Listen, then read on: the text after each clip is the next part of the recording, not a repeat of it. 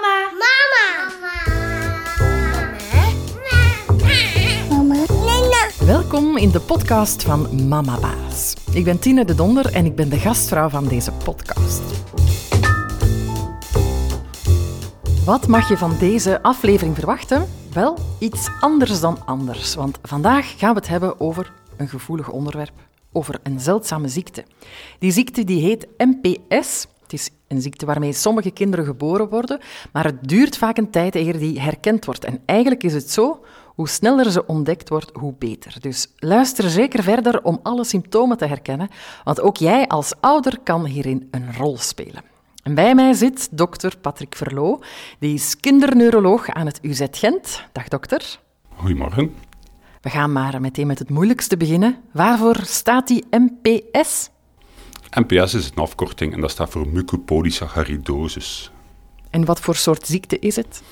Mucopolysaccharidosis, MPS'en, zijn een soort van aandoening, een stofwisselingsziekte, waarbij dat er eigenlijk afbraakproducten in het lichaam of stoffen in het lichaam die goed kunnen afgebroken worden en die gaan gaan opstapelen. En dat geeft problemen. Een uh, stofwisselingsziekte, dat klinkt heel abstract. Uh, welke zijn zo de symptomen van die ziekte? De symptomen van MPS moet altijd denken, er zijn verschillende vormen van NPS, dus je kan die zeker niet altijd samennemen. Maar de symptomen op zich zijn wel symptomen die vrij frequent kunnen voorkomen. Kinderen gaan vaak eerst op consultatie bij de neuskeelooraarts, omdat er terugkerende oorinfecties zijn. Opvallend aan die oorinfecties is dan die vaak niet reageren op antibiotica en dan die zelfs onder antibiotica regelmatig blijven terugkeren. Um, naar aanleiding daarvan kan er ook sprake zijn van gehoorsverlies. Um, een gehoorsverlies dat dan ja, wordt vastgesteld. En bij sommige kinderen is er zelfs al voordat de diagnose wordt gesteld van die MPS, uh, dat ze een gehoorapparaatje hebben. Verder kan er sprake zijn van problemen met de gewrichten. Die problemen met de gewrichten, dat is iets wat dat vaak duidelijk kan zijn ter hoogte van de rug, waarbij dat er in de plaats van een holle onderrug eerder een bolle onderrug is. Soms ook wel echt met een uitsteeksel, een, soort van um, ja, uitsteeksel naar achter toe op de rug, wat dat wel heel erg opvallend kan zijn voor ouders. Kan je dat en, echt zelf zien? Dat is iets wat dat heel erg duidelijk uh, voor ouders aanwezig is, ja. En wat dat vaak ook de reden kan zijn voor ouders om al te gaan consulteren bij een orthopedist. En er kunnen ook problemen zijn met de gewrichten, droogte van de vingers en bij de ellebogen. Dat is vaak iets wat dat heel erg op jonge leeftijd al heel erg kan opvallen bij de vingers, waarbij dan de vingers niet volledig kunnen gaan strekken. En waarbij dat de kinderen op jonge leeftijd, op wat latere babyleeftijd, op jonge peuterleeftijd, als ze fijne dingen beginnen op te rapen en te nemen, dat opvalt dat ze bij dat nemen de vingers niet volledig kunnen strekken. Mm -hmm. Het belangrijk symptoom wat ook wel aanwezig kan zijn, um, is dat er doordat er een vergrote lever is in de buik, en de vergrote lever, dat is iets wat dan niet zo opvalt voor een ouder. Dat is wel iets wat dat kan opvallen voor een arts, maar voor de ouder niet echt duidelijk is. Maar doordat die lever groot is, dat er echt wel organen um, ja, meer plaats gaan moeten gaan innemen. En dat kan leiden tot aanwezigheid van een liesbreuk of liesbreuken en een navelbreukje. Een navelbreuk bij baby's dan? Een navelbreuk bij baby's, ja. Dat is vaak iets wat al heel erg duidelijk aanwezig is bij de geboorte. En zijn er zo nog symptomen? Ja, wat dat we soms wel kunnen zien is dan die mucopolysachariden, die MPS, die stoffen zelf, dat kan gaan opstapelen in andere onderdelen van het lichaam. En vaak zien we dat wel opstapelen in de tong, waardoor dat er echt wel een grotere en dikkere tong is. Wat dat soms kan leiden, dan kinderen moeilijker uh, gaan leiden tot moeilijker sluiten van de mond, al gewoon door de grote tong die aanwezig is.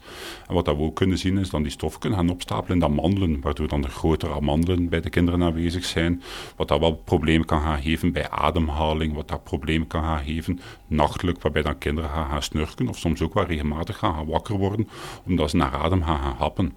Ja, en komt dat veel voor? Symptoom op zich is iets wat dat wel vaak voorkomt natuurlijk. Hè. Amandelontsteking is iets wat dat heel erg frequent is bij kinderen, maar wat dat vaak veroorzaakt wordt door een infectie. Maar het is een beetje hetzelfde verhaal als met de oorontsteking. Als dat iets is wat dat altijd blijft terugkeren, desondanks het feit dat er uh, behandeld wordt met antibiotica, desondanks het feit dat er behandeld wordt met de juiste medicatie, dan is dat wel iets wat dat je moet apart gaan zien als symptoom. En belangrijk in heel het verhaal blijft ook om alle puzzelstukjes apart te blijven gaan zien. Hè? Om echt wel die puzzelstukjes samen te gaan nemen. het is niet één symptoom op zich wat dat belangrijk is. Het zijn alle symptomen samen die je moet gaan zien en die tot de diagnose kunnen gaan leiden. Ja, u zei mij daarnet al dat de ziekte ook echt zichtbaar kan zijn in, in het gelaat van die kinderen. Ja. Zo kan er ook stapeling zijn van die stoffen in het gelaat, onder de huid, waardoor dan soms de wangen wat boller gaan, gaan zien, dat neusje iets boller kan gaan zien, en dan de lippen soms wel een iets andere vorm hebben bij kindjes met NPS dan bij de broertjes of bij de zusjes. En er is ook afwijkingen aan het kraakbeen in het gelaat, zo net als het kraakbeen kan zijn in de gewrichten. En kraakbeen is iets wat heel erg belangrijk is voor groei van skelet. Daardoor gaat de schedel misschien net iets anders gaan, gaan groeien bij andere kinderen, wat dat soms ook wel wat afwijkingen kan geven aan de vorm van het gelaat. Dus het is een typisch gezicht, iets wat u zou herkennen? Voor de artsen die de aandoening kennen, hebben de kinderen heel erg typisch gelaat. En ze zien er bijna allemaal als broertjes en zusjes van elkaar uit. Ja. Ja. Nu, dat zijn allemaal um, uiterlijke kenmerken. Zijn er ook uh, op andere vlakken symptomen vast te stellen? Bij sommige vormen van die MPS is er ook wel aantasting van de hersenen, dat er stapeling is in de hersenen. En dat betekent ook wel dat er problemen kunnen gaan zijn met de ontwikkeling van de hersenen. Die problemen zijn vaak niet echt aanwezig al op heel erg jonge leeftijd. En de babytjes zijn qua ontwikkeling perfect normaal. Maar als ze wat ouder worden, dat kan zijn als ze tegen dan ze een jaar gaan worden, dat er zien dan bepaalde aspecten zoals dan zitten, dat dat misschien al wat later gaat gaan komen dan bij andere kinderen. Dat zaken zoals stappen, dat dat iets is wat dan later gaat gaan komen bij andere, dan bij andere kindjes. En soms ook de eerste woordjes, dat dat iets is wat dan wat later kan komen bij hun. En is het iets wat evenveel voorkomt bij jongens als bij meisjes? De ziektes is iets wat dat bij jongens en meisjes kan voorkomen, afgezien van één subtype dat vooral bij jongens voorkomt. Maar in zijn totaliteit is bij beide evenveel mogelijk. Ja, u heeft een aantal symptomen opgesomd. Mm is het altijd een soort puzzel van symptomen? Ja, ik denk de diagnosestellen van zeldzame ziektes is altijd een beetje puzzelen. Hè.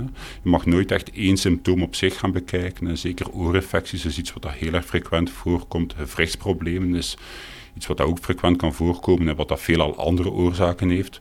Maar denk als je al die symptomen apart beginnen voor te komen, dat je die puzzelstukjes wel samen moet gaan nemen en dat er moet over nagedacht worden van die puzzelstukken samen die deel uitmaken van één groter geheel. In dit geval dus een NPS. Nu, is dit iets wat mensen dan thuis kunnen checken of bijvoorbeeld de vingers van hun baby volledig gestrekt kunnen worden? Denk dat het niet de bedoeling is om bij alle baby's zelf te gaan checken of de vingers volledig kunnen gaan gestrekt worden. Maar ik denk dat problemen, als die aanwezig zijn, dat dat wel iets is wat er duidelijk opvalt. En heeft u enig idee vanaf hoeveel symptomen zou u ongerust worden? Is een beetje moeilijk om te gaan zeggen. De symptomen zijn meestal in grote hoeveelheid en duidelijk aanwezig bij jonge kinderen die een ernstige vorm hebben van de aandoening. Uh, bij kinderen die een minder ernstige vorm hebben, dat betekent dan automatisch dat de symptomen pas gaan komen op oudere leeftijd, zijn de symptomen maar vaak veel minder duidelijk samen aanwezig. Dus bij jonge kinderen zou ik zeggen, als er drie, vier symptomen tezamen aanwezig zijn, dat dat toch wel een reden is om met de kinderarts daarover te gaan spreken. En welke zijn zo de meest voorkomende symptomen? Of is er iets wat uh, elke NPS-patiënt heeft? Nee, jammer genoeg is er niet echt een heel erg specifiek symptoom voor NPS. En er is ook niet echt een symptoom waarvan dat we weten dat dat iets is wat dat enkel en alleen bij NPS gaat voorkomen en wat dat duidelijk aanwezig is voor ouders. En is het iets wat je ook kan checken in uh, bloed of urine? Het zijn ziektes, als er aan gedacht wordt, dat die, bij die NPS, dat de stoffen die opstapelen in het lichaam, de mucopolysacchariden, die kunnen we gaan opsporen in de urine. Dat is best wel iets wat dan mogelijk is. En we kunnen ook in het bloed gaan kijken of de ziekte aan of afwezig is. Maar dan moet er echt wel specifiek over die ziekte nagedacht worden. En het is niet iets wat dan routinematig in elk labo, in elk ziekenhuis kan uitgevoerd worden. Nee, komt de ziekte niet zo vaak voor? Of? Ja, de ziekte is een uiterst zeldzame aandoening. Ik denk dat het totaal aantal patiëntjes met mucopolysaccharidosis, met NPS'en, in België beperkt is tot een twintigtal maximum. Dus dat betekent dat het echt wel heel erg zeldzaam is. Ja, dat is niet zo vaak, maar toch wil u nu sensibiliseren ja, dat is een heel erg belangrijke reden om de diagnose vroeg te gaan stellen. Hè. Want hoe vroeger dat we de diagnose stellen, um, hoe minder hersenschade dat er aanwezig is en hoe vroeger dat we kunnen gaan starten met de behandeling. En met de behandeling hopelijk ook verder gaan vermijden dat er iets van hersenschade optreedt. En daarom die campagne, legdepuzzel.be. Uh, voor wie is die juist bedoeld? De campagne is bedoeld om jonge ouders te gaan sensibiliseren, om de ouders te gaan kijken dat er toch wel verschillende problemen bij een kindje kunnen aanwezig zijn omdat we wel merken dat bij zeldzame aandoeningen dat niet gemakkelijk is om voor de artsen apart allemaal de puzzelstukken samen te gaan leggen. Zoals ik vertelde, het is moeilijk voor een orthopedist of een botspecialist om te gaan kijken naar uh, de neus en de keel. En vaak worden die problemen ook door de uh, botspecialist een beetje ja, genegeerd of zelfs niet genoemd uh, tegen de arts. Dus het is wel van belang om alles samen te blijven zien. Um, en denk dat um, de boodschap vooral moest zijn om als ouder, als je verschillende problemen opmerkt bij je kind, verschillende problemen die op het eerste zicht niet samen lijken te horen, van toch te zien of dat we die ja, symptomen apart kunnen gaan samenleggen. Of dat dan niet allemaal verschillende symptomen van één andere of één grotere aandoening kan zijn. En denkt u dan dat er zo nog veel rondlopen in Vlaanderen? Onontdekte NPS-patiënten? Het is niet zo gemakkelijk om daar een antwoord op te gaan geven. Mogelijk zijn er wel een aantal ongediagnosticeerde patiënten die rondlopen in Vlaanderen, maar dan zal dat vooral gaan over patiënten met een heel erg milde vorm van de aandoening. Langs de andere kant kan het wel zijn dat er momenteel kindjes zijn die zes maanden, zeven maanden zijn, die al toch wel verschillende duidelijke symptomen aanwezig hebben, maar waarbij dat er nog geen enkele arts is die al zijn puzzelstukjes al samengenomen heeft om zo tot de diagnose te gaan komen. Ja, heeft u zoal patiënten gekend die eigenlijk vroeger geholpen hadden kunnen worden? Ja, er zijn zeker wel patiënten bekend die vroeger hadden kunnen geholpen worden. Maar er zijn ook verschillende voorbeelden die ik mij kan bedenken uit mijn patiëntenpopulatie, waarbij dat we eigenlijk de diagnose min of meer um, toevallig gesteld hebben, of waarbij de diagnose toevallig te horen is gekomen bij ons. Kan u zo eentje vertellen? Een patiëntje wat we uh, recent gediagnosticeerd hebben, is eigenlijk iemand die toevallig Um, ja, een mama die haar ongerust maakte met verschillende problemen die er bij het kindje aanwezig was. En die had echt al vanaf jonge leeftijd verschillende oorinfecties. Die had wel duidelijk rugproblemen die al aanwezig waren, waarvoor dan er al consultaties waren geweest bij een orthopedist. En ook een baby die al vanaf heel erg jonge le uh, leeftijd voedingsproblemen had. Uh, maar de verschillende artsen er hadden naar gekeken, hadden nooit echt de puzzelstukken kunnen samenrapen. Um, die mama die was heel erg ongerust en die, die voelde zich op een bepaald moment ook dat ze zich te ongerust maakte, waarvoor dat ze contact had genomen bij de psycholoog of bij een psycholoog. En dat was toevallig ook een psycholoog die bij ons hier in ons centrum werkt. Um, en die psycholoog die had dat dan even besproken van ja, er zijn toch wel verschillende medische problemen aanwezig bij dat kindje. Hè. Moeten we dan niet verder gaan, gaan denken?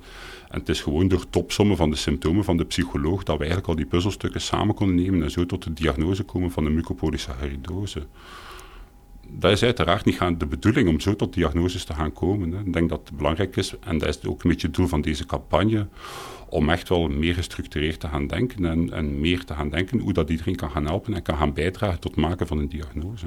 En vertelt u eens, hoe kunnen mensen dat doen? Ik denk dat het belangrijk is als de verschillende van deze kenmerken aanwezig zijn, als je dat ziet bij uw kindje, verschillende van die kenmerken samen, om dat toch een keer te gaan bespreken met de kinderarts in eerste instantie. Ik denk dat de kinderarts de meest geschikte arts is om te gaan kijken of die symptomen echt wel apart staan. Hè. Zijn er toch, toch wel een duidelijke uitleg waarom dan als de ene kant die verschillende oorinfecties optreden, als de andere kant misschien toch ook wel wat problemen zijn met de gewrichten? Of is er daar geen duidelijke uitleg voor en moeten we toch die verschillende symptomen samen gaan zien als de puzzelstukjes van één groter probleem? -hmm. Nu, stel dat het ontdekt wordt, hè, zoals dat meisje waarover u daarnet mm vertelde, wat gebeurt er dan? Wat uh, is de behandeling? Het is heel erg afhankelijk van het type van NPS wat dat er um, is. Er bestaan verschillende types. Voor sommigen hebben we echt wel een goede behandeling. Um, waarbij dat we echt wel de ziekte kunnen gaan stoppen. Dat kan zijn door middel van een heel erg intensieve um, chemotherapie en een beenmerktransplantatie, wat dat heel erg zwaar is, maar wat dat wel levensreddend kan zijn voor zo'n kinderen. Andere kinderen kunnen gaan um, behandelen met iets wat dat we enzyme replacement therapie noemen, um, enzymvervangende therapie, waarbij dat we eigenlijk het enzym wat dat afwezig is bij de kindjes omwille van de genetische aandoening, dat we dat gewoon door infusies eenmaal per week, eenmaal per twee weken kunnen gaan toedienen en zo eigenlijk de symptomen van de ziekte belangrijk kunnen gaan verbeteren. En is het dan beter nadien? Het is een ziekte die um, toeneemt in ernst als ze niet behandeld wordt. Hè. Het is iets wat we noemen een stapelingsziekte. Hè. Dat betekent er eigenlijk afvalstoffen, die mucopolysacchariden, die gaan opstapelen in het lichaam. Als we die opstapeling niet gaan aanpakken, dan wordt die opstapeling altijd maar meer en meer en meer en gaat dat leiden tot grotere problemen. Um, door een therapie te gaan geven, kunnen we die opstapeling um, gaan verminderen en kunnen we ja, daarmee de symptomen gaan, gaan stabiliseren. Ja, heeft u zo succesverhalen gekend in de behandeling? Ja. Er zijn zeker verschillende andere kinderen waarbij dat we vroegtijdig die diagnose kunnen stellen hebben, waarbij dat we echt wel therapie hebben kunnen instellen op een jonge leeftijd. En dat dat geleid heeft tot echt wel stabilisatie van de aandoening, waarbij dan er verschillende kinderen zijn die toch wel met succes middelbaar hebben afgerond, Latijn wiskunde gedaan hebben. En anderen zijn die volwassen zijn geworden en werk gevonden hebben en daar echt wel tevreden mee zijn en echt een kwaliteitsvol en gelukkig leven leiden. En dat waren dan kinderen die vroeg gediagnosticeerd werden? Dat waren kinderen die gediagnosticeerd werden op een moment dat er nog maar weinig symptomen aanwezig waren. En hoe minder symptomen dan er aanwezig zijn op het moment van diagnose, hoe succesvoller dan onze therapie is. En hoe oud waren zij bijvoorbeeld toen het ontdekt werd? Ja, de klassieke vorm van de aandoening zou echt wel graag willen ontdekken voor de leeftijd van 12 maanden. Hè. Dan zien we vaak wat andere symptomen duidelijk aanwezig zijn vanaf de leeftijd van 6 maanden. Dus ideaal voor 12 maanden diagnose hebben is uh, wat dat bijdraagt tot uh, succesvolle therapie. Maar bij mildere vormen van de aandoening um, kan dat zijn dat dat tot de leeftijd van 5, 6, 7 jaar duurt, die, dat wij duidelijk een diagnose kunnen gaan stellen en dat we toch nog altijd succesvol kunnen zijn met de therapie. Ja, en nu als het bij iemand ontdekt is, we gaan nog even terug bij dat meisje van uh, tien hmm. maanden. Als het ontdekt is, hoe verandert die haar leven dan nadien? Kan zij nog gewoon naar de crèche bijvoorbeeld? Gaat hmm. zij naar school kunnen gaan? Dat meisje van tien maanden um, hebben dan behandeld met een beenmergtransplantatie. Dat meisje naar leven, dat stond even on hold. En ik denk dat alles op dat moment echt wel instaat op het gaan stabiliseren, op het medische aspect van de aandoening. Um, waardoor denk dat op zo'n moment eigenlijk wel de um, medische behandeling um, voorop staat op alle andere aspecten van de aandoening. Want we weten wel dat we heel erg snel moeten gaan ingrijpen om die behandeling of om die ziekte te gaan stabiliseren. Um, en waarbij dat we eigenlijk alles wat een uitstel van behandeling zou kunnen gaan betekenen, en bijvoorbeeld ziekte, ziek zijn, infectieziektes, waarbij dat risico natuurlijk in crashes wat groter is, dat dat een uitstel van weken of maanden van een behandeling kan betekenen. Dus dat willen we echt wel vermijden. Ja. Zou je het een ernstige ziekte noemen of valt er perfect mee te leven en oud te worden? Het gaat zeker wel over ernstige aandoeningen. Um, het zijn ernstige aandoeningen waarbij dat we met de behandeling een verbetering kunnen gaan brengen naar het leven toe, maar waarbij dat we zeker niet alle problemen kunnen gaan oplossen. Um, en het zijn ziektes bij de vormen die we niet kunnen behandelen, waarbij die stapeling echt wel iets is wat dat verder en verder toeneemt, dan de problemen ook naarmate ouder worden alleen maar blijven toenemen. Mm -hmm, dan vraag ik mij toch af, moet je dat als ouder zelf herkennen? Is dat niet iets wat artsen moeten herkennen? Ik denk dat we momenteel met een heel erg goed probleem zitten dat er heel erg veel zeldzame ziektes zijn. En NPS is maar één van de duizenden en duizenden zeldzame ziektes die, die bestaan. Um, voor sommige van die zeldzame ziektes bestaan er behandelingsopties. En ik denk dat dat heel erg belangrijk is dat die ziekten worden erkend.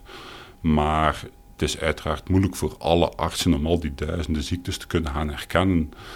En we zitten ook een beetje dat heel erg veel artsen gespecialiseerd zijn in een wel bepaald orgaan en soms echt maar gericht zijn op één orgaan, zoals een orthopedist vaak ook alleen maar gaat gaan kijken naar de botten, maar een orthopedist niet zal gaan kijken of dan er vaak oorontstekingen gaan zijn, of dan er vaak, of dat er vergrote lever gaat zijn.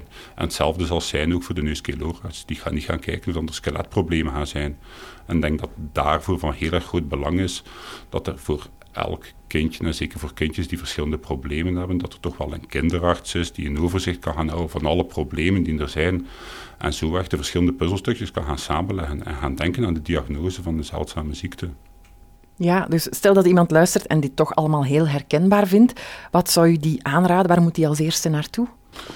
Um, ik zou aanraden om in eerste instantie toch te gaan spreken met de kinderarts, omdat de kinderarts toch wel de arts is die de verschillende symptomen samen moet gaan zien, kan kijken of er een verklaring goed te vinden is voor elk apart symptoom. En als die verklaring voor die verschillende aparte symptomen niet zo duidelijk aanwezig is, om toch te kijken hoe die symptomen samen te gaan nemen. Voor veel kinderartsen zijn zeldzame ziektes um, ook heel erg moeilijk om te gaan diagnosticeren.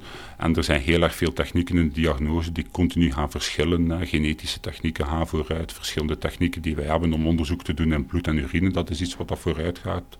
Maar kinderartsen weten ook wel, de artsen van de CEMA's voor de Centra voor Erfelijke Metabole Aandoeningen, eh, die gespecialiseerd zijn in dit soort aandoeningen, te contacteren. En die, wij staan altijd open voor overleg van elke kinderarts op elk moment. Oké, dat is een duidelijke boodschap, dokter Verloo. Hartelijk dank voor dit interview over de zeldzame ziekte MPS. En wie daar thuis meer wil over weten, check dan zeker eens de website www.legdepuzzel.be.